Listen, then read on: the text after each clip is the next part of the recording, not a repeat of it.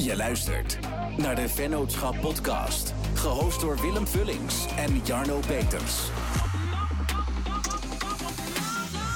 Vandaag in de Vennootschap Podcast Terrence Huigen. En Terrence is digitaal ondernemer en mede-eigenaar van Reverse Digital Agency, Frank Energie, waar we het dadelijk zeker uitgebreid over gaan hebben, en ook Home Tour. Um, Terrence, welkom in de show. Wil je jezelf kort even voorstellen? Thanks. Jazeker, uh, met alle liefde. Um, ik ben uh, Terrence Huigen. Ik ben uh, 30 jaar. Uh, ik ben al meer dan acht jaar al, inmiddels. Dus vroeger noemde ik me altijd de jonge ondernemer, maar het wordt steeds ouder. De grijze haartjes schemeren al door mijn, door door mijn haar heen. Maar ik ben inmiddels tien jaar bezig met het opbouwen van een agency. Reverse Digital Agency, waar we nu met een aardig grote groep zijn. Um, dus ja, daar maken we hele mooie digitale producten mee. En uh, ja, ik heb een aantal startups of ventures waarmee ik uh, eigenlijk probeer uh, voor de toekomst ja, een groter, ander beroemd bedrijf op te zetten. Dat hoop ik natuurlijk. Dat is mijn stille hoop. ja, super nice. Hey, laten we beginnen bij, bij je digital agency. Um, niet in de laatste plaats omdat, ik, omdat we een beetje in dezelfde branche zitten wat dat betreft. Kun je eens vertellen over het ontstaan van, van Reversed?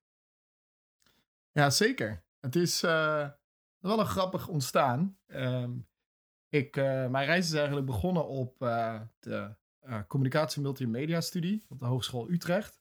Um, daar ontmoette ik een ontzettend oprechte cornuit genaamd Ruben Huibroek. wij zaten in, dat was wel leuk, een van de lessen waar hadden we een goede klik. We waren buiten waren we biertjes aan het hosselen van mensen die niet wilden blijven. Dus we waren al een beetje ondernemend bezig door van iedereen een muntje te vragen. En, uh, en, uh, zodat wij meerdere biertjes hadden. en ik kwam met Ruben in gesprek en daarin hadden we het eigenlijk over ja, een aantal grafische dingen die hij gemaakt had. vooral voor zijn, voor zijn clan. Hij speelde ontzettend veel Battlefield. En uh, ik, uh, ik speelde ontzettend veel Unreal Tournament. Dus we hadden al, altijd al een beetje uh, die, die mindset van het maken van dingen, dingen realiseren. Zoals een clan website of een servertje hier en daar opzetten. En ja, die vriendschap groeide. En na twee, drie maanden verder hadden wij beide eigenlijk al een paar klanten. Ik, ik spreek nu dus inderdaad al over tien jaar geleden ongeveer. hadden wij al een aantal klanten. Um, en op een gegeven moment hadden we zoiets van, joh we zijn nu op zoveel projecten samen aan het werken. Laten we dit verder zetten. En toen eigenlijk grappig gezien waren we heel breed. Dus we, we deden een beetje film, we deden een beetje logo's maken. Maar je merkte dat het gewicht heel erg op film lag. wat erin ontzettend leuk was om, om ook te vertellen, onze initiële ja, opzetten van het netwerk is eigenlijk een beetje gekomen doordat we wat filmklusjes deden op business events. Mijn vader die werkte voor, een, ja, voor, voor Jules. Maar dat zit aan Eneco vast. En die wist ons dus af en toe te introduceren bij, bij, ja, bij wat mensen. Die hadden af en toe een kwartaalfilm nodig. Of een business event wat ze gefilmd wilden hebben. En ja, eigenlijk dat is een beetje de, het begin van de start van Reversed geworden. En twee jaar later zei Ruben in één keer op een blauwe maandag tegen mij... joh, ik ben dat film helemaal zat. Ik voel me echt een pakezel en daar baalde ik heel erg van, want we waren natuurlijk elke keer aan het sjouwen naar al die events toe. En ik was er zelf ook al een beetje klaar mee. En toen zei hij, joh, waarom gaan we niet wat meer die, die apps opzoeken? Dus toen hebben wij een specialisatie gevolgd in UX UI. En al gauw hebben we daar ja, eigenlijk een, een, start gemaakt. En zijn, we, zijn we begonnen met een aantal apps. En was onze eerste klant die we vanuit onze stageperiode landen, was Pathé Thuis. En dus bij Pathé thuis hadden we een, een aantal landingspages gemaakt. En ja, wij merkten eigenlijk wel dat dat iets was wat bij ons paste. En zo is het eigenlijk begonnen. Dus zijn we gewoon verder gegaan met z'n tweeën. Maar nu ga je heel snel van um, eigenlijk een filmbedrijf naar een, naar een, um, ja, een, een, ontwikkelpartij, een development um, bedrijf. Maar je zegt even van, je zegt even tussendoor van, we hebben even een specialisatie gevolgd in UI UX. En toen hadden we Pathé thuis als klant. Maar hoe, hoe kan dat zo snel gaan dan? Ja, dat klinkt inderdaad uh, ontzettend snel. Uh, misschien is het wel goed om in stapjes te vertellen. Um, wij liepen eerst bij uh, Initiative Stage. Um, daar werkten we eigenlijk in ons derde jaar aan een aantal pitches. Dus Plus, Bijenkorf, uh, Pijnenburg en nog een aantal andere pitches die op onze stage voorkwamen. daar hadden we, ja, dat was een component daarvan, was een digitaal product. dat was niet een heel groot onderdeel van die pitch, want zij waren een klassiek mediabureau, dus ze deden de inkoop van media. En wij konden daar af en toe gewoon prototypes maken in Marvel en in Sketch. om gewoon een prototype te maken om de pitch uh, ook te laten zien dat het bureau had meegedacht over een digitale roadmap. Nou, met die portfoliostukken zijn we op een gegeven moment naar de Valley gegaan. En bij de Valley ja, hebben we wat, wat mensen leren kennen. Um, en, en in die hoedanigheid hebben we toen op, ik, denk in het vierde jaar, op de Next Web, hebben we via ons stagebedrijf de directeur van Pathé thuis ontmoet. En uh, ja, die was uh, wel enthousiast van de dingen die we hem uh, lieten zien. Want wij waren altijd wel haantje de voorste door gewoon wat portfoliowerk op te sturen. We zijn altijd heel erg enthousiast geweest door te vragen aan mensen: hey, kunnen we wat voor je doen? maar Partij Thuis die had al eigenlijk al, al best wel concreet een vraag. En ja, dat, dat gaf ons best wel wat, wat munitie om, om te starten. En te, rond diezelfde tijd hebben wij ook een soort van mini-stage gevolgd bij Revue. Dat is recentelijk overgenomen door Twitter. Die, dat was, dat de kartrekker daarvan was Martijn de Kuiper. En wij hadden op een Young Creators Event, hadden wij gewoon een keer gevraagd, hey, zouden wij dan een keer wat voor je mogen designen? En dat vond hij eigenlijk best wel een tof idee. Dus daar hebben we ook een tijd wat gratis werk voor gedaan. Gewoon puur om ons portfolio op te bouwen. Puur om te laten zien dat we vette dingen kunnen doen. En we, we moesten ook gewoon nog heel veel leren. Dus uh, ja, ons, ons hele doel was om zeker uh, tot, uh, tot een jaar na de studie gewoon, gewoon dingen te doen. Zoveel mogelijk portfoliowerk op te bouwen. Ja, heel vet. Heel vet dat je het zo, zo aan hebt gevlogen.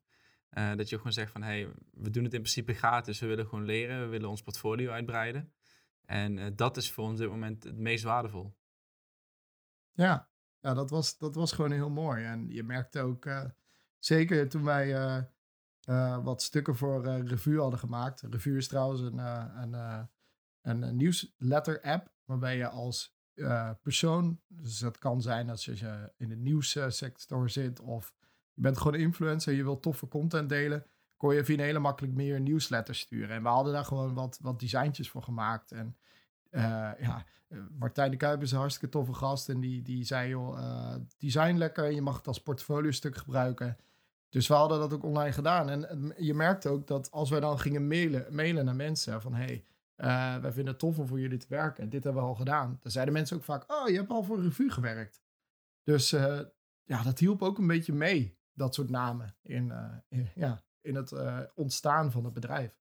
Ja, dus juist door die, die gratis diensten aan te bieden, dat portfolio op te bouwen en inderdaad voor een juiste partij te werken, dus zo'n revue, wat in, wat in ja, die sector gewoon een grote naam is en nu al helemaal inderdaad met die overname van, uh, van Twitter. Um, maar daardoor kwamen jullie dus ja, makkelijker binnen bij, de, bij jullie nieuwe klanten dan, um, ja, dan zonder dat portfolio, zeg maar. Ja, en uh, tevens, dat soort mensen gaven ons ook ontzettend veel uh, ruimte om te leren. Dus uh, Martijn de Kuip was heel kritisch op alles wat we maakten. Want uh, ja, hij nam alleen de dingen in productie die hij belangrijk vond. Dus hij had één of twee developers. En hij zei ook echt, ja, ga maar proberen. Maar hij was ook, heel vaak heeft hij tegen ons gezegd, nee, dit gaan we niet doen. Nee, dit gaan we niet doen. En ik merk wel door gewoon ergens te starten, ook al is het maar ja, één dag in de week gratis of ja, voor, voor weinig betaald, dan, dan krijg je ook gewoon uh, ja, ik, ik zie dat eigenlijk een beetje als uh, kennis is ook uh, goud waard. Voor ons was die kennis gewoon heel erg belangrijk om te leren en te snappen hoe die wereld werkte. Um, zodat wij in ieder geval ja, daarmee ons geld konden verdienen als we echt goed werden. En, en dat, is, dat is nu wat we steeds meer, meer, meer hebben. Dat we gewoon een goed team creëren en dat we daar ja, ook echt geld voor kunnen vragen. Vond je het lastig om met die kritiek van Martijn om te gaan? Um, ja, er zijn wel fases waarin je, zeker, zeker als je jong bent, uh, merk je af en toe wel dat je heel erg overtuigd bent van je kunnen. Dus er zijn twee, eigenlijk twee dingen waar je, waar je in verloren kan gaan. Aan de ene kant kan je denken, wow, ik ben echt supergoed. Aan de andere kant kan je denken, joh, ik ben echt heel erg onzeker en nog niet goed. En uh, ik, ja, ik merkte af en toe wel, we hadden, we hadden natuurlijk wel uh, fake till you make it. Dus wij wilden gewoon lekker dingen gaan doen. En ja, dan kan je af en toe wel door de mand vallen. maar ik merk wel als je je omringt met mensen die, die, die gewoon heel erg goed zijn in het voorzien van feedback, dat dat, dat ook wel makkelijker voor ons was om mee om te gaan. aan het begin doet alles een beetje pijn, omdat het ja, je kindje voelt wat je designt. Maar je merkt wel hoe vaker je daarin valt en leert opstaan, merk je wel dat je een betere designer wordt. Of een in, in dit geval is onze hele ja, carrière begonnen vanuit design. Merk je wel gewoon dat als je beter wordt in design, dat je gewoon uh, ja, flinke stappen maakt. En dat je dat, dat feedback ontvangen, dat, is, uh, ja, dat, dat leer je steeds meer hoe, hoe ervarener je wordt eigenlijk. Ja, dus ook, ook het ontvangen van feedback en het daarmee leren omgaan is ook weer gewoon een stukje ervaring. Zeker, ja. Hey, en toen uh, we waren bij Pathé thuis, dat werd jullie klant. Je geeft ook aan dat jullie nog veel op design zaten. Hoe is het vanuit daar, vanuit daar verder gegroeid? Nou, was wel lachen. Wij we hadden dus onze eerste klant. Hadden we dus op de Next Web ontmoet. Dus die directeur van Pathé thuis. En ja, gelukkig hadden wij dus een, een stagebegeleider die ons wist te verbinden aan hem. Dus dat hielp heel erg. Uh, ja, wat we toen hebben gedaan, dat was eigenlijk wel grappig. Toen hebben we gewoon tegen elkaar gezegd: Oké, we gaan nu een jaar lang gaan we proberen om klussen binnen te halen voor design. Um, we hadden vrij weinig geld nodig. We woonden beide nog op kamers. Dus uh, ons uh, ja, geld was eigenlijk niet heel erg een issue. Ze zeiden gewoon tegen elkaar: laten we in ieder geval een jaar pakken. Dus dat hebben we gedaan. Um, uh, dus we hebben die klus voor Pathé thuis gedaan. We hebben in de zomer toen gratis ook weer voor een onderdeel van Eneco gewerkt. Dus wij moesten daar een film van maken, toevallig, die zomer. dat deden we af en toe nog wel eens. En in de zomer hebben we toen tegen dat team gezegd: joh, jullie hebben een vet idee. dat was dat ze bezig waren op dat moment met het, tracken van al je apparaten, hoeveel die verbruikten in je huis. Op basis van energieprofielen. Dus hoeveel kost het om een stofzuiger aan te zetten? Hoeveel kost het een wasmachine aan te zetten?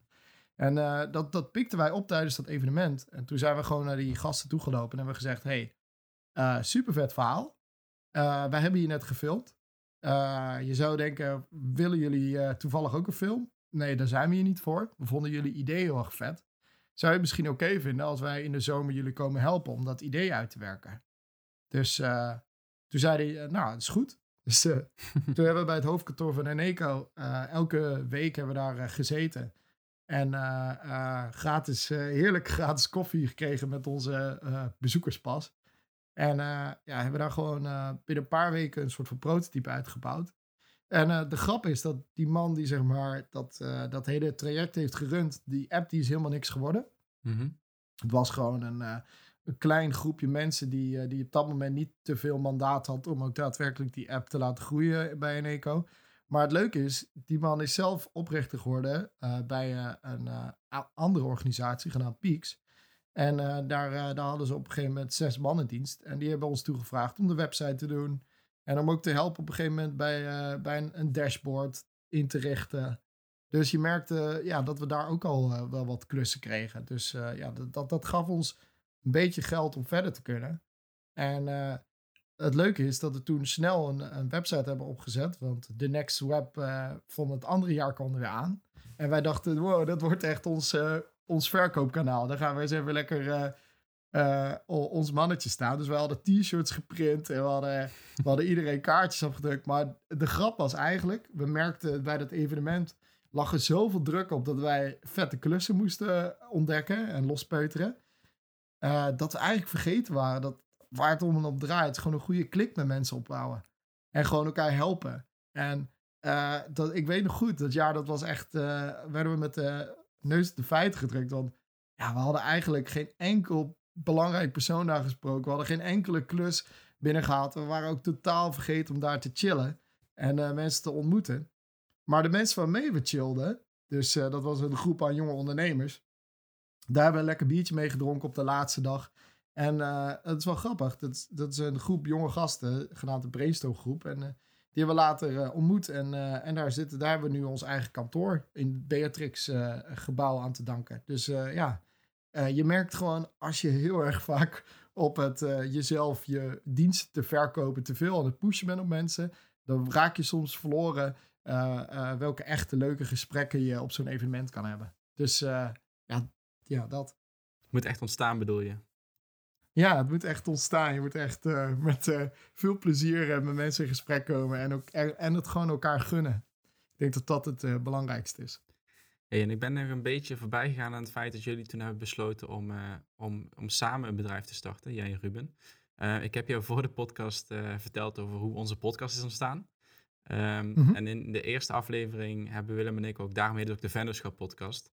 Um, een beetje contradictie, want wij hebben dus, we werken heel veel samen, Willem en ik, maar we zijn bewust niet samen een bedrijf gestart. Omdat we toch die, die vrijheid die, die je hebt als zelfstandig ondernemer, die willen we toch uh, behouden. Omdat dat nou eenmaal is waarvoor, waarom we ondernemer zijn geworden. Um, ik, ben, ik ben benieuwd waarom jij en Ruben er wel voor hebben gekozen om destijds samen te werken. Um, ja, grappig. Interessante vraag ook. Um, ik, ik denk wat voor ons heel erg uh, ertoe heeft geleid dat we samen gingen werken was... Uh, we hadden gewoon een bepaalde ja, lol in het maken van dingen. En uh, uh, we, we, hadden zoiets van, laten we eens een keer een opdrachtje samen doen. En op een gegeven moment was, had Ruben mij voor een klusje ingehuurd en ik hem.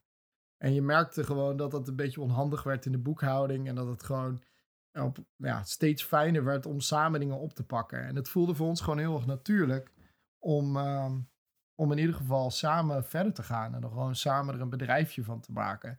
En onze intenties waren op dat moment ook niet om iets heel groot te maken.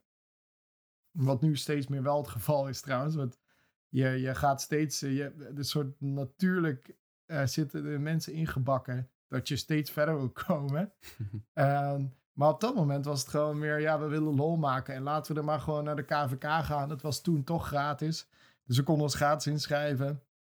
Dus wij met een dikke champagnefles daar naartoe gegaan. Nou, zo dik was het niet, want uh, we hadden natuurlijk geen centen wakker. Dus we hebben gewoon goedkoop flesje gehaald. Maar uh, het was op dat moment, voelde het heel erg officieel. En uh, toen hebben we gewoon ja, ingeschreven en gekeken wat daaruit kwam. En ik denk dat de, de klik bij ons, bij mij en Ruben, die er heel erg in zat, is... Twee, we hadden nog niet echt het idee dat we, ja, wat zeg ik, de wereld wilden ontdekken. En we hadden gewoon zoiets, joh, we gaan het bedrijf starten. Uh, dus dat is één. En, en twee was gewoon dat we ja, onze persoonlijkheden, die lagen, ja, die waren heel verschillend, maar ze pasten bij elkaar. Dus ik was heel erg vrij en gewoon naar iedereen toestappen en gewoon zeggen wat we wilden. En Ruben was meer de praktische, maar die was ook heel erg goed in het plannen en, en, en al dat soort dingen. Dus we hadden een soort van creatief versus praktisch. Uh, persoon in het team. En dat zorgde ervoor dat we elkaar heel goed konden bijsturen en heel goed konden aanvullen. Dus ik denk dat we, zeker ook in die, in die klik, voelden gewoon dat er iets zat wat, wat, wat ons ging helpen om vette producten te maken. En dat merkte je ook gewoon al in dat we af en toe, ik weet nog goed, we hadden een nieuwe website nodig. En die hebben we toen 24 uur in elkaar gezet. Want die dag daarna gingen we naar een evenement waarin we moesten laten zien wat ons portfolio was. Dus we waren gewoon heel erg lekker en snel bezig. En ja, dat, dat, dat is gewoon zo gegroeid grappig dat ook die persoonlijkheden, die verschillen daarin tussen jou en Ruben ook echt precies de verschillen tussen mij en Willem zijn. Ja? ja? Grappig om te horen. Ja, ook precies. Enerzijds dat creatieve en dat vrije en dat extroverte. En anderzijds meer dat praktische, planmatige structuur en het introverte. Dus echt precies die, uh, ja, die combi van beide persoonlijkheden. Dat helpt, denk ik. Helpt het jou? Uh, merk jij dat het jou helpt? Het, het versterkt elkaar enorm. Uh, het kan af en toe ook zorgen voor uh, kleine irritaties. Dus dan denk je van, dan denkt Willem bijvoorbeeld over iets waar ik over loop te zeuren. Iets planmatisch of iets, iets in de structuur van, ja, hoe, hoezo maak je daar nou zo'n een, een, issue van? En anderzijds kan ik wel denken van, hé, hey, maar check gewoon even de planning. Of check gewoon even de taken die openstaan, weet je wel. In plaats van alles ad hoc doen. Dus ja, nee, het werkt, het werkt echt uitstekend. Maar af en toe zijn het gewoon kleine irritaties die, die een minuut later alweer oké zijn nog. ik herken dat ook heel erg. En dat is gewoon iets wat, uh, denk ik, door de jaren heen uh, leer je dat gewoon. Je leert gewoon aan elkaar wennen en, en je leert daar ook mee omgaan. En je geeft het, die kracht geef je elkaar ook weer de ruimte. Ik merk dat bij Ruben heel erg. Ruben geeft mij daar steeds meer de ruimte in en ik hem ook. Dus ja, dat is, dat is wel heel mooi om te zien. ja, toevallig, uh, we hadden een aantal podcasts geleden met Bob van den Berg. Toen wees hij ons na de podcast op die, uh, op die disc uh, persoonlijkheidstest met die kleuren, weet je wel? Geel, groen, blauw, rood. Um, ja. En toen keken we gewoon even snel er doorheen. En ik, ik had die op mijn opleiding al een keer gedaan. Voor Willem was hij volgens mij nieuw. En toen keken we dus um, naar onze persoonlijkheden. En toen, ja, binnen een minuut werd bevestigd wat we al, al jaren, zeg maar, merken en al ervaren van... Hey, ja, we zijn inderdaad echt precies tegenovergesteld. Maar misschien dat het daardoor wel juist zo goed klikt. Ja, ik denk, ik denk dat dat heel erg helpt. Ik geloof er ook heel erg in dat als je een team met mensen opbouwt, en daar kan ik straks wel wat meer over, over zeggen, maar ik geloof er ook wel in dat je altijd in mensen moet investeren die uh, dingen kunnen die jij niet kan. En ik merk dat dat tussen mij en Ruben, en waarschijnlijk zie jij dat ook met je compagnon, of in ieder geval uh, de partner waarmee je alles doet, merk je wel gewoon dat het heel erg goed kan werken. Dat als je een andere persoon hebt, dan kan je elkaar heel erg scherp houden op dingen. En als jij uh, misschien een persoon uh, bij het team haalt die exacte kopie is van jezelf, dan zou je waarschijnlijk heel erg voelen van ja, oké, prima, maar dan hebben we allebei dezelfde ideeën. Ja. ja. dat is niet innovatief vaak. Nee, dat en, en het accountability stuk vind ik, uh, dat werkt ook enorm als je met z'n tweeën bent. Want ik weet zeker, kom ik even terug op het ontstaan van de podcast. We hebben destijds gezegd van ja, we gaan elke vrijdag publiceren.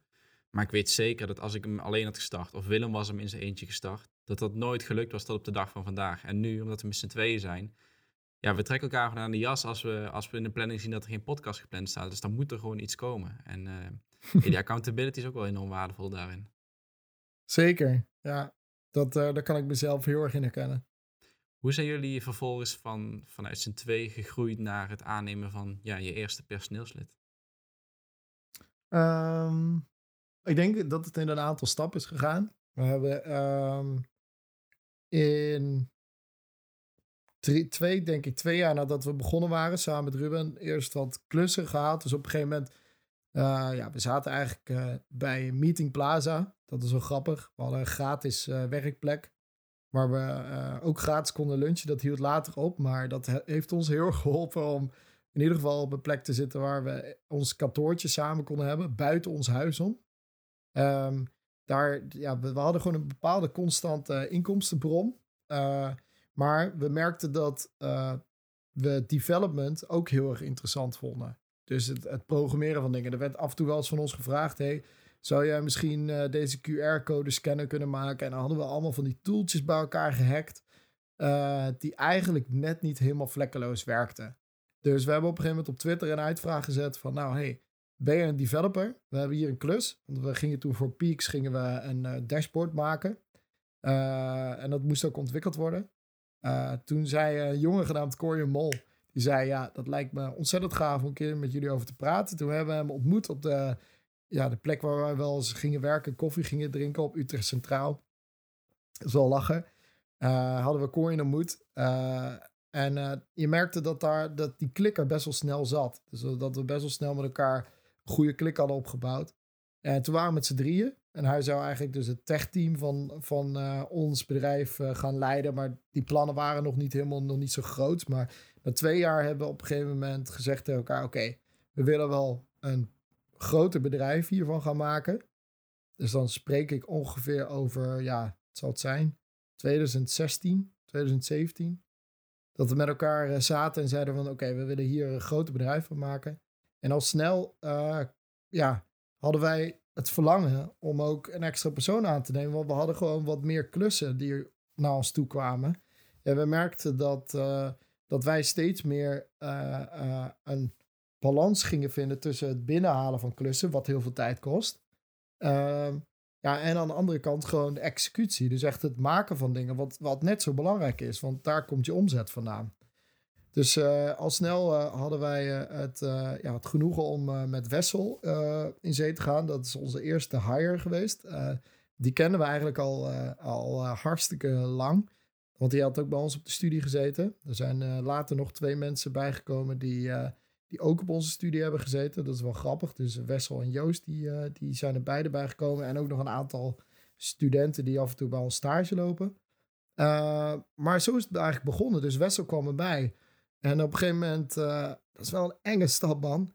Uh, ik merk wel dat ja, de, stap die je zet is, je bent in, in één keer verantwoordelijk voor de omzet van een ander. Dus waarin je eerst heel erg zoiets had van... oké, als wij nou een maandje even geen klussen binnenhalen... ja, dat komt allemaal wel goed. Want dan kunnen we een beetje ons salaris omlaag uh, gooien. Vaak hadden we niet eens een vast salaris. We hadden zoiets van, joh, we maken wel over wat er dan binnenkomt. Maar op dat moment gingen we gewoon toe naar... oké, we hebben het salaris van Wessel dat we moeten betalen. En we hebben onze salarissen. Uh, dus er moet goed geld binnenkomen. Willen we dat allemaal kunnen uitbetalen? Nou, toen Wessel erbij kwam, merkten we al gauw dat hij, hij kwam van de ING. En uh, daar had hij ook wat klussen binnengehaald. Uh, toen deed hij nog een klus voor Centraal Beheer. Dus die had hij ook meegenomen. En zo nog wat contacten. Dus dat hielp heel erg. Maar hoe meer mensen erbij komen, hoe meer klussen je ook moet binnenhalen. Dus ik merkte wel nadat we Wessel hadden binnengehaald en op een gegeven moment de volgende hire erbij hadden. Toen ontstond er eigenlijk een heel andere dynamiek in het team.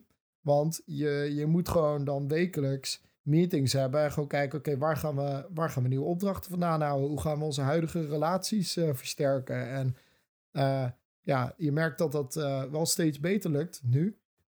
omdat we daar over de langere tijd van drie jaar echt veel van geleerd hebben. want hoe meer mensen, ja, hoe meer klussen. Dat is het gewoon. Ja, je gaf net al uh, tussendoor aan, aan het begin aan dat je een constante inkomstenstroom had toen jullie met z'n tweeën waren. Nu zeg je van we waren echt ja, constant op zoek naar het binnenhalen van nieuwe klussen. Um, hoe was zeg maar de balans tussen enerzijds um, uh, doorlopende opdrachten van vaste klanten en, en het binnenhalen van nieuwe klanten, nieuwe opdrachten? Nou, je merkt dat dat is echt een goede vraag trouwens. Dat is echt wel een, een klus op zich. Um, ja, ik denk dat wij sinds vorig jaar echt tegen elkaar hebben gezegd: oké, we gaan nu alleen maar op langetermijn samenwerkingen zitten. Dus uh, enerzijds ben je, eerst krijg je allemaal kleine klussen. Dus die, die haal je wel binnen. En dat, dat werkt ook goed hoor. En, uh, maar hoe groter je team wordt, hoe meer afhankelijkheden daaraan verbonden zitten. En kan ik je makkelijk uitleggen. We, je haalt de klus binnen. En als die dan na twee maanden verloopt, dan, ja, dan moet je weer op zoek naar een andere persoon uh, of een andere klus. Uh, dus wat wij op een gegeven moment gedaan hebben, is gewoon in, in het team gezegd, dat klinkt heel erg raar, hebben gezegd, oké, we gaan alleen maar klussen aannemen als het een lange termijn samenwerking bevat. Eén, omdat dat uh, voor ons inplannen van capaciteit makkelijker is. Dus je kan gewoon makkelijker doorplannen. maar anderzijds was dat voor ons ook gewoon makkelijker, want dan hoefden we niet elke keer een nieuwe klus binnen te halen. Uh, en gek genoeg, als je als team tegen elkaar zegt, dat is eigenlijk nog het enige wat we doen. Op een of andere rare manier gaan de mensen om je heen dan ook denken van oké, ik kan niet bij ze aankloppen voor één klein klusje.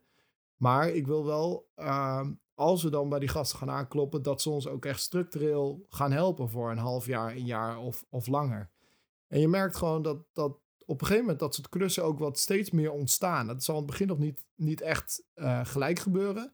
Maar als je als, als persoon en als bedrijf gelooft dat je die richting op moet gaan, dan uh, doe je op een of andere manier ook veel meer je best om dat doel te bereiken. En uh, ja, daar zitten wij nu als, als bedrijf volledig op. Het is ook echt weer een voorbeeld van kiezen om gekozen te worden. Hè? Jullie als bedrijf maakten op dat moment de keuze van we gaan echt alleen nog maar die lange termijn samenwerkingen aantrekken. Daar gaan we op onze berichten. En na verloop van tijd zie je dus dat aan de andere kant, dus jullie, jullie doelgroep, jullie klanten, um, ehm, de automatisch uh, zich een soort van op aanpassen. Dus de, de korte termijn klanten die benaderen jullie waarschijnlijk al een stuk minder en misschien wel helemaal niet meer. En de partijen die jullie benaderen, die zijn ook echt in voor een lange termijn samenwerking. Ja, klopt. En je merkt ook echt dat als je tegen de ene nee zegt, dat vonden we ook altijd eng. Want op een gegeven moment zie je de omzet natuurlijk omlaag gaan, omdat je steeds meer uh, ja, uh, salaris moet uitbetalen, maar minder klussen krijgt. Maar op een of andere manier komt het wel altijd voor dat je dan daarna weer een, toffere klus tegenkomt, die, uh, ja, die wel bij je past. Dus ik heb wel geleerd over de afgelopen jaren dat ik af en toe gewoon ook nee mag zeggen tegen opdrachtgevers. Gewoon puur om, omdat als je een maand daarna gewoon een partij vindt die eigenlijk veel beter bij je past en je moet daar nee tegen zeggen dat doet echt veel meer pijn dan dat je af en toe tegen iemand nee zegt omdat het opdracht niet helemaal bij je past. Dus uh, ja, dat is soms echt belangrijk. Wat kun jij startende ondernemers die ook, eh, die ook zelfstandig zijn of die een agency willen bouwen, Wat kun je ze op dit gebied meegeven? Want inderdaad, ik, ik ken het ook uit mijn, eigen, uit mijn eigen ervaring. Het is enorm moeilijk om nee te zeggen tegen even een snelle klus die gewoon geld oplevert. Uh, wat, wat kun je hun meegeven om daarin sterker in je schoenen te staan?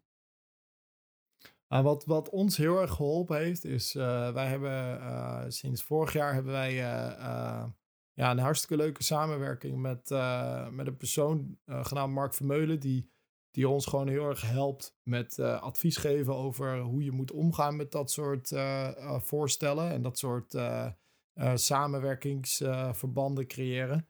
En dat is gewoon een persoon die, die heeft gewoon tien jaar lang voor allemaal agencies, en hij werkte toen bij The Valley, daar hebben we hem leren kennen, die heeft, heeft daar gewoon tien jaar lang zijn best gedaan om ja, afspraken te maken met klanten. En ik merk gewoon wij, hebben hem, wij huren hem voor een x aantal uur per maand in.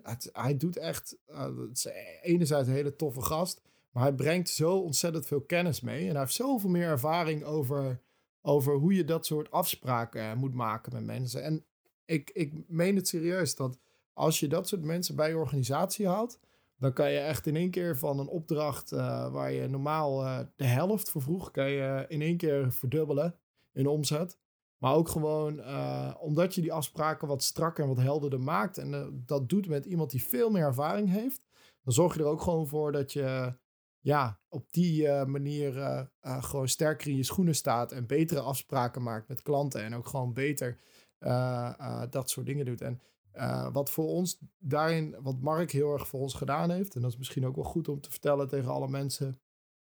Is wij, als wij als ethici klussen aannemen dan, uh, dan zeggen wij, uh, kunnen wij aan het begin nooit een prijs afgeven. Wat heel veel andere bureaus doen, is die zeggen: Ja, wij kunnen dit wel maken voor 50.000 euro en dan regelen we het helemaal voor je. Mm -hmm. En wat er dan gebeurt, is dat je bijvoorbeeld na die 50.000 euro, uh, die is op, en veel sneller vaak op dan je denkt. het ligt een beetje aan hoe groot je team natuurlijk is. Maar dan moet je daarna weer naar een klant toe lopen en dan zeg je: Oh, het spijt ons zo erg, maar het geld is op. Dus uh, zouden wij misschien nog uh, eh, 20.000 euro extra mogen om, om dit af te maken? Want, want we komen gewoon tijd tekort. wat ons heel erg geleerd heeft, is door gewoon al vooraf geen, wel een, prijsindicatie te maken. Maar eerst gewoon met elkaar een, een soort van grove schets te maken van hoe dat product eruit komt te zien. wat het allemaal moet kunnen. En, en dan in de fase nadat we dat gedaan hebben, dat we dan pas een definitieve prijs afgeven. Uh, dat helpt de klant enerzijds heel erg om scherp te blijven op prijs, waardoor ze achteraf niet op verrassingen komen te staan. Dus bij ons zit de foutmarge ongeveer op ja, tussen de 2 en de 5 procent. Dus dat is echt niet veel.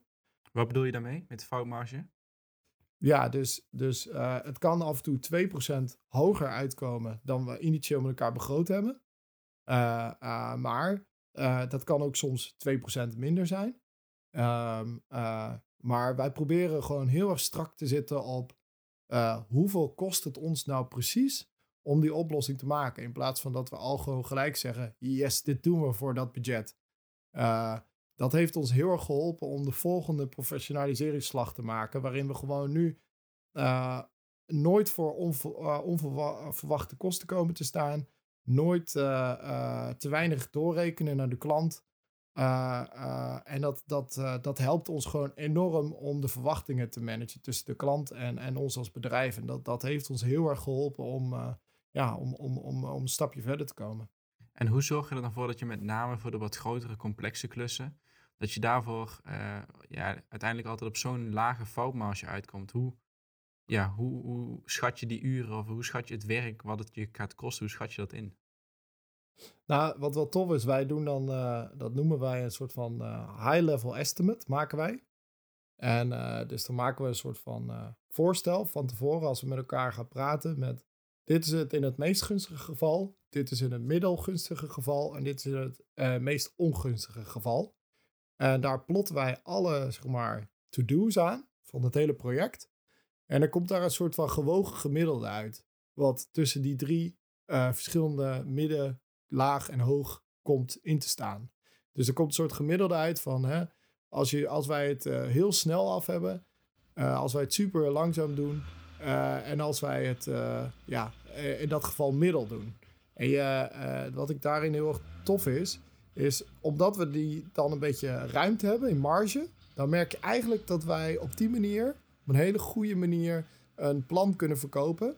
En dat we eigenlijk altijd heel erg uh, strak zitten op de prijs. En daar eigenlijk heel erg uh, strak zitten op, uh, op het eindresultaat. En wat, wat ons ook heel erg helpt, is dat we beginnen altijd een opdracht met een ja, kleine exploratiefase, noem ik dat. Waarin we gewoon een soort van kleine discovery doen. En in die discovery fase gaan we gewoon een beetje pijnpunten van de organisatie opsommen. gaan we met klanten in gesprek. Dat hoeft niet heel lang te duren. Maar daardoor heb je al een beetje wat, wat breder uh, onderzoek gedaan naar uh, um, ja, wat de wensen allemaal zijn. Waardoor je ook echt een veel betere indicatie kan afgeven dan dat je dat gewoon doet als je er maar instapt en gelijk vanaf dag één met elkaar aan de slag gaat.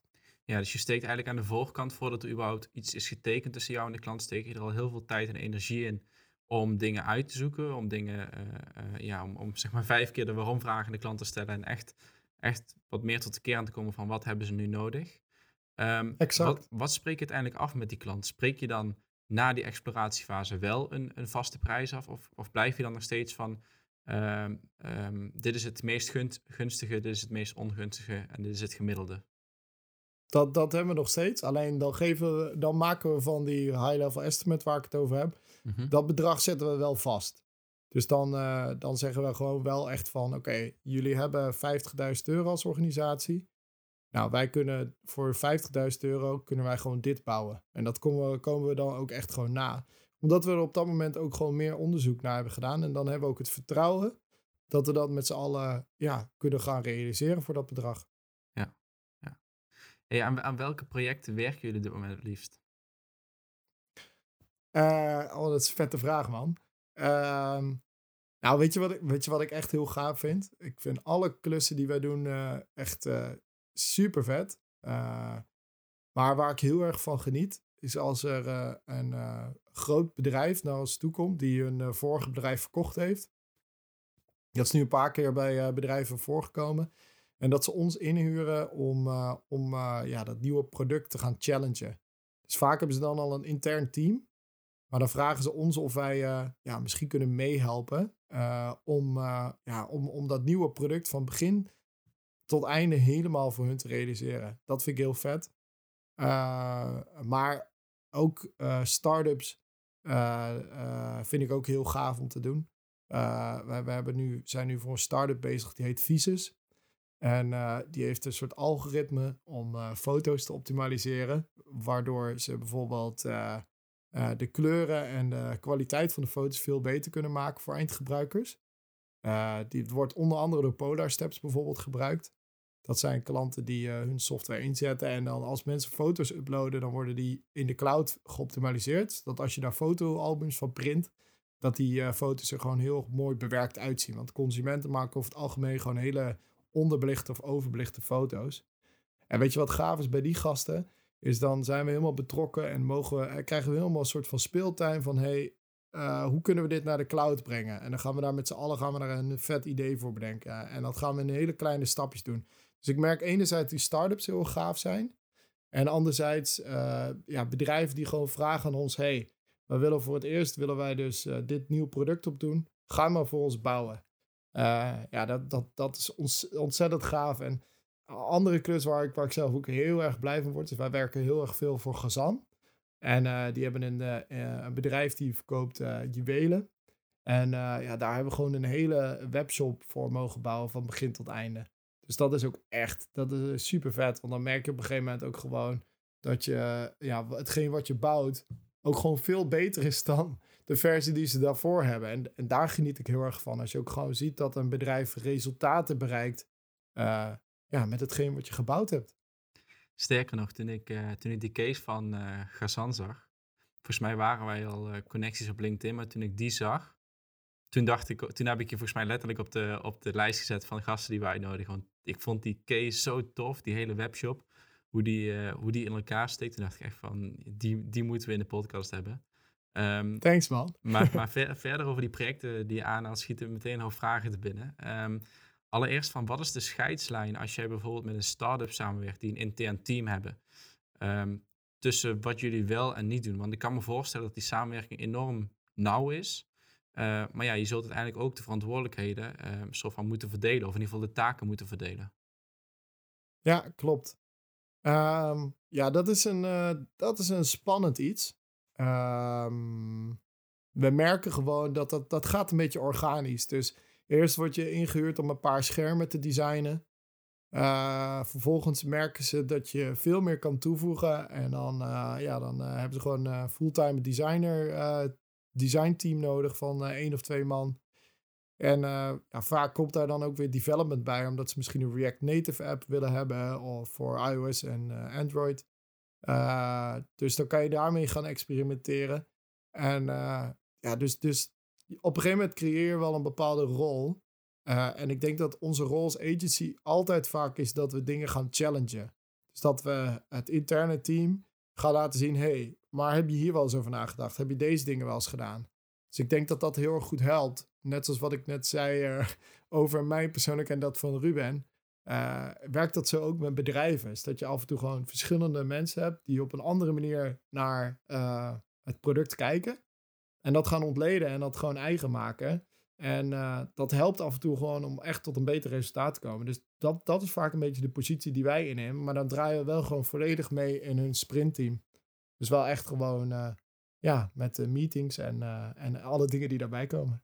Ja, je vertelt over het, het constant challengen van het idee of van het platform. Um, is de validatiefase dan al, al is die, zijn jullie die al voorbij? Heeft het interne team die al gedaan? Of, of zijn jullie daar ook nog bij betrokken van hey, het idee is leuk, maar is er überhaupt markt voor? Willen mensen überhaupt dit product gaan, uh, gaan gebruiken? Ja, nee, we zijn heel erg bij die validatie ook betrokken. Dus uh, wat we daar met een project doen, en daar kan ik ab absoluut nog geen naam over geven, maar dat is een nieuwe fintech-app waarmee we bezig zijn. Um, en wat we daarmee aan het doen zijn, dat is wel interessant. Daar hebben we eerst een stukje, uh, zijn we onderzoek naar het doen met het team naar een bepaalde markt. Dus een, paar, een land waarin ze willen uitrollen. Um, uh, nou, als ze die gevonden hebben, uh, dat vaak wordt dat gedreven vanuit hun team. Dat ze onderzoekers hebben die kijken naar welke markt is het beste, welke past het best bij het bedrijf.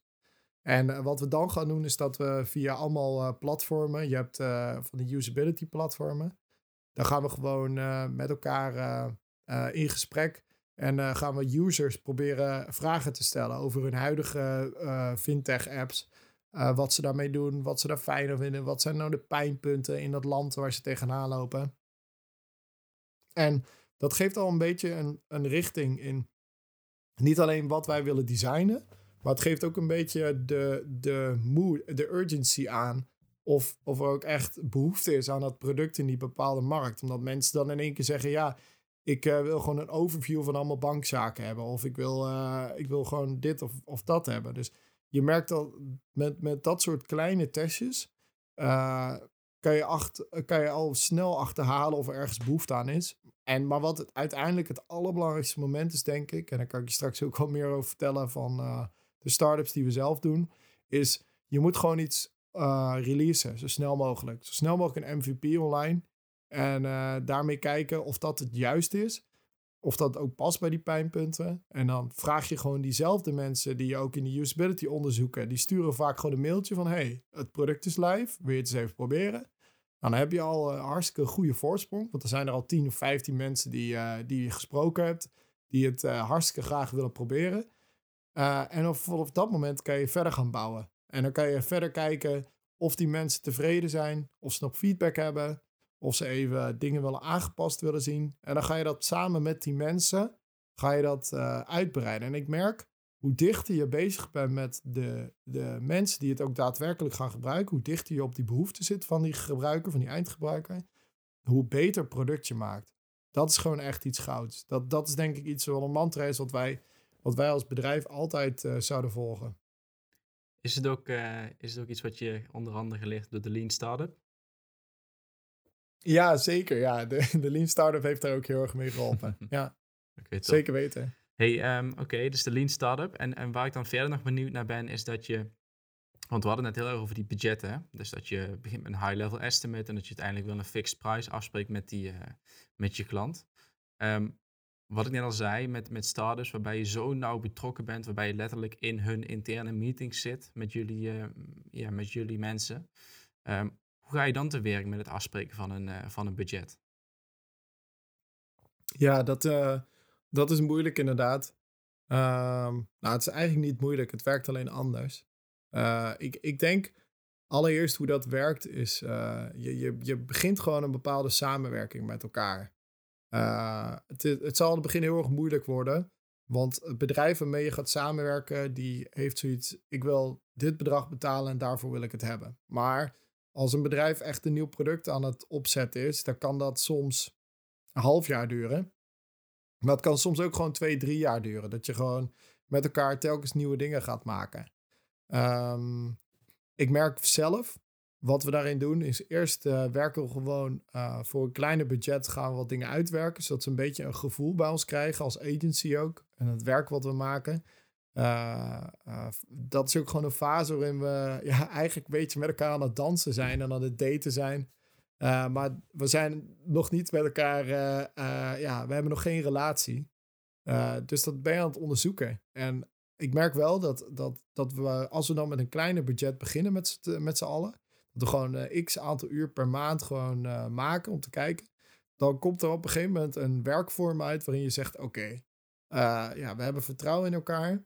Laten we gewoon voor x periode met elkaar werken. We weten nog niet wat we met elkaar gaan opleveren. Want dat kan elke keer anders zijn. Want dat is bij een start-up is eigenlijk een soort van orgaan. Waarin je alles nog onduidelijk hebt. Waarin niks zeker is. dat weet een klant vaak ook. En dan zeggen ze, nou, laten we gewoon eerst beginnen met een, een klein aantal uren per maand. En dat kan je dan na behoefte steeds meer opbouwen. Dus kan je in plaats van 10 uur per maand, kan je daar 20 uur van maken. Vanaf 20 uur per maand, 30 uur. En wij, uh, wij werken als bedrijf het liefste uh, met, ja, met gewoon personen. Dus dat je zegt, nou, je kan één persoon per maand inhuren, fulltime. En dat groeit dan gewoon een beetje. Op een gegeven moment worden dat twee mensen, op een gegeven moment worden dat drie mensen. En op een gegeven moment creëer je gewoon een klein team die dat product uh, gaat ontwikkelen. En ook vertrouwen aan beide kanten. Omdat je, ja, je bent eigenlijk uh, met elkaar gaan dansen. En uh, op een gegeven moment bouw je een relatie op. Ja, mooi, mooi metafoor. En, en hoeveel, mensen, hoeveel mensen werken er nu bij jullie bedrijf? Ja, wij werken nu met z'n achten. En uh, we hebben uh, om die bedrijven natuurlijk, uh, we hebben een aantal start-ups, daar zitten wat mensen in. en daarin hebben we ook nog een flexibele schil van ja, vier, vijf band die ons gewoon bijspringen waar nodig. Ja. En, Ruben, en Ruben en jij zijn nog de mede-eigenaren dan? Ja, en Corian ook. Ja. En, en hoe ziet die rolverdeling tussen jullie eruit? nou, mijn, mijn taak is vooral uh, connecties opbouwen en, en, uh, en nieuwe ideeën uh, eigenlijk opzetten. Coins taak is veel meer ja, bepalen wat, wat de interessantste stack is om ons product in te ontwikkelen. En ook het, het development team up and running houden. Daar is die echt super goed in. En, en de Rubens taak is veel meer het, het, het, Hij noemt zichzelf, of wij noemen hem ook de CEO van het bedrijf. Misschien een beetje ja, lastig uh, om dat de CEO te noemen van, uh, van een wat kleiner bedrijf. Maar uh, hij is veel meer aan het kijken van hoe kan ik de mensen op hun plek allemaal de juiste dingen geven om verder te kunnen. Dus hij is bij heel veel zaken betrokken. En ja, daarin is hij eigenlijk een soort van spin in het web die, die overal mee bezig gaat. en en is, hij is gewoon in zijn andere uur ook nog steeds aan het designen. Dus je merkt, we zijn met z'n allen nog steeds in de uitvoering bezig. Maar dat wordt, uh, ja, hoe groter we worden, natuurlijk steeds minder. En je gaf net aan dat je, toen je met Ruben begon, al best wel snel het idee had van ja, we willen toch, toch groter groeien. Een beetje mens eigen, zei je al. Um, nu zit je op acht man in dienst. Uh, is die ambitie dan nog steeds om groter te worden? Ja, zeker. We willen dit jaar sowieso twee mensen waarschijnlijk gaan aannemen. Uh, dat moet natuurlijk ook kijken of dat lukt. maar ik denk dat we wel op een goede lijn liggen. En uh, ja, eh, het jaar daarna willen we al uh, vier, vier mensen weer erbij gaan nemen. Dus we gaan elk jaar wel weer een stapje verder. maar dat, is, dat hangt ook een beetje af natuurlijk van welke samenwerkingen ontstaan er op lange termijn. Want als wij veel meer van dat soort samenwerkingen vinden, waar we gewoon vaste basis met elkaar samenwerken, dan kunnen we als team ook gewoon veel beter groeien. En we hebben nou, Nederland al talloze digital agencies. Hoe zijn jullie nou onderscheidend in die hele wereld van, van agencies? Ja, dat is ook een goede vraag. Ik, uh, ik denk dat ons onderscheidende vermogen vooral ligt in dat wij, omdat wij zelf ook die eigen producten bouwen, wij steeds meer kennis opdoen hoe je als bedrijf zijn zo snel mogelijk een soort van product market fit weet te vinden. Dus hoe kan je nou van een idee wat je hebt komen naar iets wat ook echt in een bepaalde markt uh, begint te werken. Uh, dat is gewoon voor iets wat, wat organisaties heel fijn vinden dat we daarmee helpen. Dus wij zijn niet de platte designers die gewoon pixels opleveren of code. Maar wij gaan ook echt kijken naar, heeft alles wat wij doen ook echt impact op jullie omzetdoelen? Heeft het ook, sluit het ook aan bij wat jullie allemaal willen bereiken in, in dit jaar of in volgend jaar? En daar gewoon heel scherp kijken van welke feature heeft op dit moment de meeste uh, impact we hebben wel zitten het, team best wel een hekel aan het woord impact. Uh, in onze Slack-groep krijgen we ook altijd een middelvinger terug. Maar uh, het, komt daar ook wel een beetje op neer dat je features ontwikkelt. niet per se om tijd te, te maken. Daar houden we helemaal niet van om geld te verbranden. We houden er gewoon van om dingen te bouwen die ook echt bijdragen aan het succes van een bedrijf. En ik denk dat we daar uh, door, uh, door onze methodes en onze samenwerkingen uh, wel echt heel erg goed in worden. Dus bedrijven huren ons soms ook in. En dan maken ze het jaar daarna in één keer ja, x procent meer omzet. En, en, en dat is gewoon heel erg kicken om te zien. En dat, dat, dat wil ik ook. Want ik wil gewoon niet dat klanten of mensen waarmee we samenwerken het idee krijgen dat wij maar gewoon lekker zijn gaan werken. En alles mm -hmm. maar zijn gaan uitvoeren. Hey, we gaan, uh, we gaan langzaamaan naar wat, uh, naar wat kortere tips toe voor de luisteraar. Um, maar niet voordat ik gezegd heb dat we net uh, besloten hebben dat er een deel 2 komt. Want ik heb jullie vooraf beloofd dat we het over Reverse gaan hebben. Dus over de Digital Agency, maar ook over Frank Energie en Home Tour bij de startups. Um, maar ja, daar komen we vanwege de tijd simpelweg niet meer aan toe. Dus we gaan lekker een deel 2 maken. deel 1 was deze dus, gaat puur over de, over de Digital Agency. En deel 2 gaat echt over de startups, waar ik ook enorm, enorm benieuwd naar ben. Uh, Terens, om, deze, om dit deel 1 af te sluiten, uh, wil, ik wat, uh, wil ik wat tips van je weten. en laten we beginnen met een, een boekentip. Oh, een, boekentip. nou, ik ben zelf over een aantal boeken heel erg enthousiast. Ehm, ik vind het, het, het boek Grip vind ik heel erg interessant. Dat ben ik op dit moment aan het lezen. Ik vind het zeker als een persoon die ontzettend houdt van een flexibele werkwijze, vind ik het ook leuk om te leren hoe je nou je tijd zo efficiënt mogelijk kan inplannen, dat je wel heel veel gedaan krijgt. Uh, dus daar hou ik heel erg van. En uh, wat ik zelf een heel interessant boek vind, en die heb ik van mijn stagebegeleider uh, toen gekregen, is The Tipping Point van Malcolm Gladwell. En dat boek, als je dat zal lezen, dat, zal, dat is niet direct gaat het over business, maar het gaat wel over wat in de wereld ertoe geleid heeft, welke kleine verandering er bijgedragen heeft aan een, aan een, eh, aan een uh, grote, grote verandering in, uh, in de geschiedenis. En daar staan zo ontzettend veel toffe dingen in die mij als mens gewoon geholpen hebben om te snappen hoe ik zelf efficiënt wil werken, hoe ik zelf de kleinste dingen wil doen die grote, grote impact met zich meebrengen. Dat vind ik echt een heel tof boek. Heb je daar een voorbeeld van? Jazeker. Hij, uh, hij heeft het bijvoorbeeld over uh, uh, dat er eh, in de jaren 60 in New York ontzettend veel criminaliteit was in de, in de metro-netwerk van New York. En dat zij op een gegeven moment op een dag hebben zij besloten na, na jaren alleen maar criminaliteit te hebben om elke keer als een metro het station binnen kwam rijden en hij zat onder de gravity, dat ze die schoonmaakten uh, en dat ze die verder lieten rijden. En mensen die, ze dan, die over poortjes sprongen in New York, dat ze die gelijk lik op stuk gewoon boetes hebben gegeven. Um, uh, en dat heeft zo'n grote verandering gehad dat uh, de criminaliteit in New York, zeker in het centrum, echt met, met tientallen procent omlaag is gegaan. En op een gegeven moment zelfs de criminaliteit zo laag was dat dat weer gewoon in balans was. En dat zo'n kleine verandering op zo'n moment op zo'n beslissend moment uh, uh, ja, daartoe heeft ge geleid, vind ik super interessant. En, en kun je ook delen hoe, dat, hoe je dat dan vertaalt naar je persoonlijke uh, veranderingen of naar misschien een verandering binnen je bedrijf? Ja, zeker.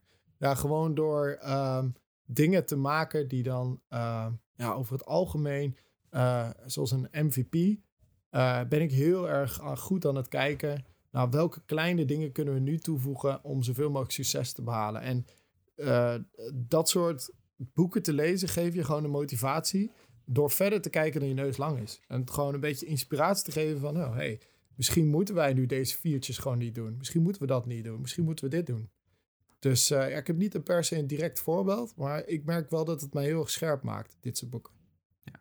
Hey, ik denk dat ik antwoord op de volgende vraag al weet, want we hebben het hier voor de opname stiekem al over gehad. Maar uh, wat is je favoriete podcast? Uh, ja, dat is by far de Jong Beleggen. ja, ik merk dat het als ondernemer, het, het begint me steeds weer te prikkelen om een pensioenopbouw te, te krijgen, zeker op je dertigste. En uh, ik vind het zo tof hoe die uh, Pim Verlaan uh, met Milou heet ze volgens mij. Ja. Een podcast zo erg concreet maakt. Waarin ze uitleggen hoe je moet beginnen met beleggen. Ik denk dat dat echt een... ja, dat is voor mij echt... echt die zou ik echt gewoon nu aanzetten en gewoon lekker afspelen. want je bent echt...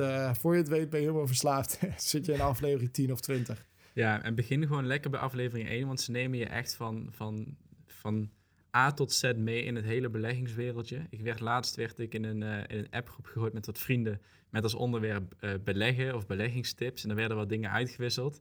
En uh, nou, mijn enige bijdrage in die app is de link naar de Spotify ehm, podcast van Jong Beleggen. En ik zei van, begin gewoon bij aflevering 1. Inderdaad, voordat je het weet ben je mega verslaafd. maar het is zo praktisch, zo simpel uitgelegd. En het, mooie is, Pim is echt de expert natuurlijk, die zichzelf er helemaal in verdiept. En Milou is een beetje de, de onwetende, vooral in het begin. Die, dus die stelt eigenlijk iedere vraag die jij als, als onwetende belegger ook zou vragen. Dus dat is het fijne. Leuk, hè? Zij, stelt alle vragen die bij jou oppoppen. En ja, daar geeft Pim super antwoord op. En voor je het weet, uh, ja, zit je zelf, uh, ben je zelf actief als belegger. Enorm, uh, enorm leuke podcast, ja. Knap, hè? Hey, en ben je al begonnen met beleggen eigenlijk? Ja, zeker. Ik... Um, ik zit nu dus in Amerika, maar twee jaar geleden, in 2018, uh, eh, heb ik hier één semester gestudeerd. Um, dat was onderdeel van mijn HBO-studie, mijn minor. En daar had ik een, ik had vijf lessen. En de vier daarvan waren, die sloegen helemaal nergens op qua niveau. Maar één daarvan was een, uh, een personal finance class, zoals ze daar noemen. En ehm, mijn leraar was een soort van, ja, je noemt het een certified personal accountant of iets in die zin. Dus hij geeft zeg maar um, mensen, dus geen bedrijven, maar gewoon consumenten, geeft hij financieel advies. Dan met name op het gebied van beleggen. En daar heb ik dus ontdekt wat compounding interest is, wat um, dollar cost averaging is, allemaal dat soort termen. En heeft, ja, hij heeft mij letterlijk laten zien wat de effecten zijn van beleggen. En vooral als je daar jong mee begint. Dus ik ben in 2018, in 2018 mee begonnen, dankzij hem. En um, ja, die podcast, die podcast Jong Beleggen heeft voor mij eigenlijk weer nieuw leven ingeblazen. Want um, daardoor ben ik er zoveel, heb ik er zoveel kennis op gedaan en zoveel slimmigheidjes geleerd eigenlijk. Uh, waardoor het bij mij echt een beetje het beleggen aan 2.0 is gegaan. Dus uh, ja, ik ben enorm dankbaar dat ik dat in 2018, uh, eh, dat hij mij daarop heeft gewezen. Want toen was ik 20 volgens mij. En nu ben ik 22. En ja, tijd is je grootste vriend in, in de wereld van beleggen. Dus, ja, echt hè. En dus alle jonge ondernemers onder ons, vergeet het gewoon. Ga gewoon lekker beleggen. Want hoe eerder je dit spelletje snapt, hoe beter jij je pensioen straks voor elkaar hebt. Geloof mij nou. 100%. hey Terrence, ehm, we gaan hem afsluiten voor deel 1. Um, ehm, ik heb nog één vraag aan jou. En dat is, um, wat is de gouden tip voor de luisteraars? En dan wil ik me specifiek maken, waar ik al eh, een paar keer uh, heb aangehaald in deze podcast. De luisteraar die nu zelfstandig ondernemer is of, en of die een, uh, een digital agency wil gaan starten. Ja, ik, uh, ik, mijn, mijn advies zou zijn: begin gewoon lekker. Al is dat werk gratis, dat zei ik net eigenlijk al. Uh, bouw gewoon lekker je netwerk op. Weet je, het is gewoon niet alleen super leuk om heel veel mensen te ontmoeten, zoals ik jou nu ontmoet, zodat, zoals ik andere mensen ontmoet, maar het is gewoon leuk om gewoon ergens te beginnen. Gewoon een beetje je, je, werk op te bouwen. En als dat een keertje gratis is, dan, dan bouw je misschien aan het begin heel erg van. Maar je gaat echt op de lange termijn ga je er, eh, ga je er echt van profiteren als je gewoon eh, in ieder geval een vet portfolio hebt waar je, waar je verder kan groeien. En die mensen blijven je hele leven allemaal dingen gunnen. Dat is echt heel erg eh, waardevol voor ons geweest in ieder geval. Tof. Dan wil ik jou bedanken voor het delen van het inspirerende verhaal over jouw digital agency. Ehm, en voor de luisteraar, volgende week kun je deel 2 verwachten. En dan gaan we het hebben over startups. Yes. Yo, thanks Janne. Bedankt voor het luisteren naar de Vennootschap podcast. En vergeet niet te abonneren op Spotify en Apple Podcasts.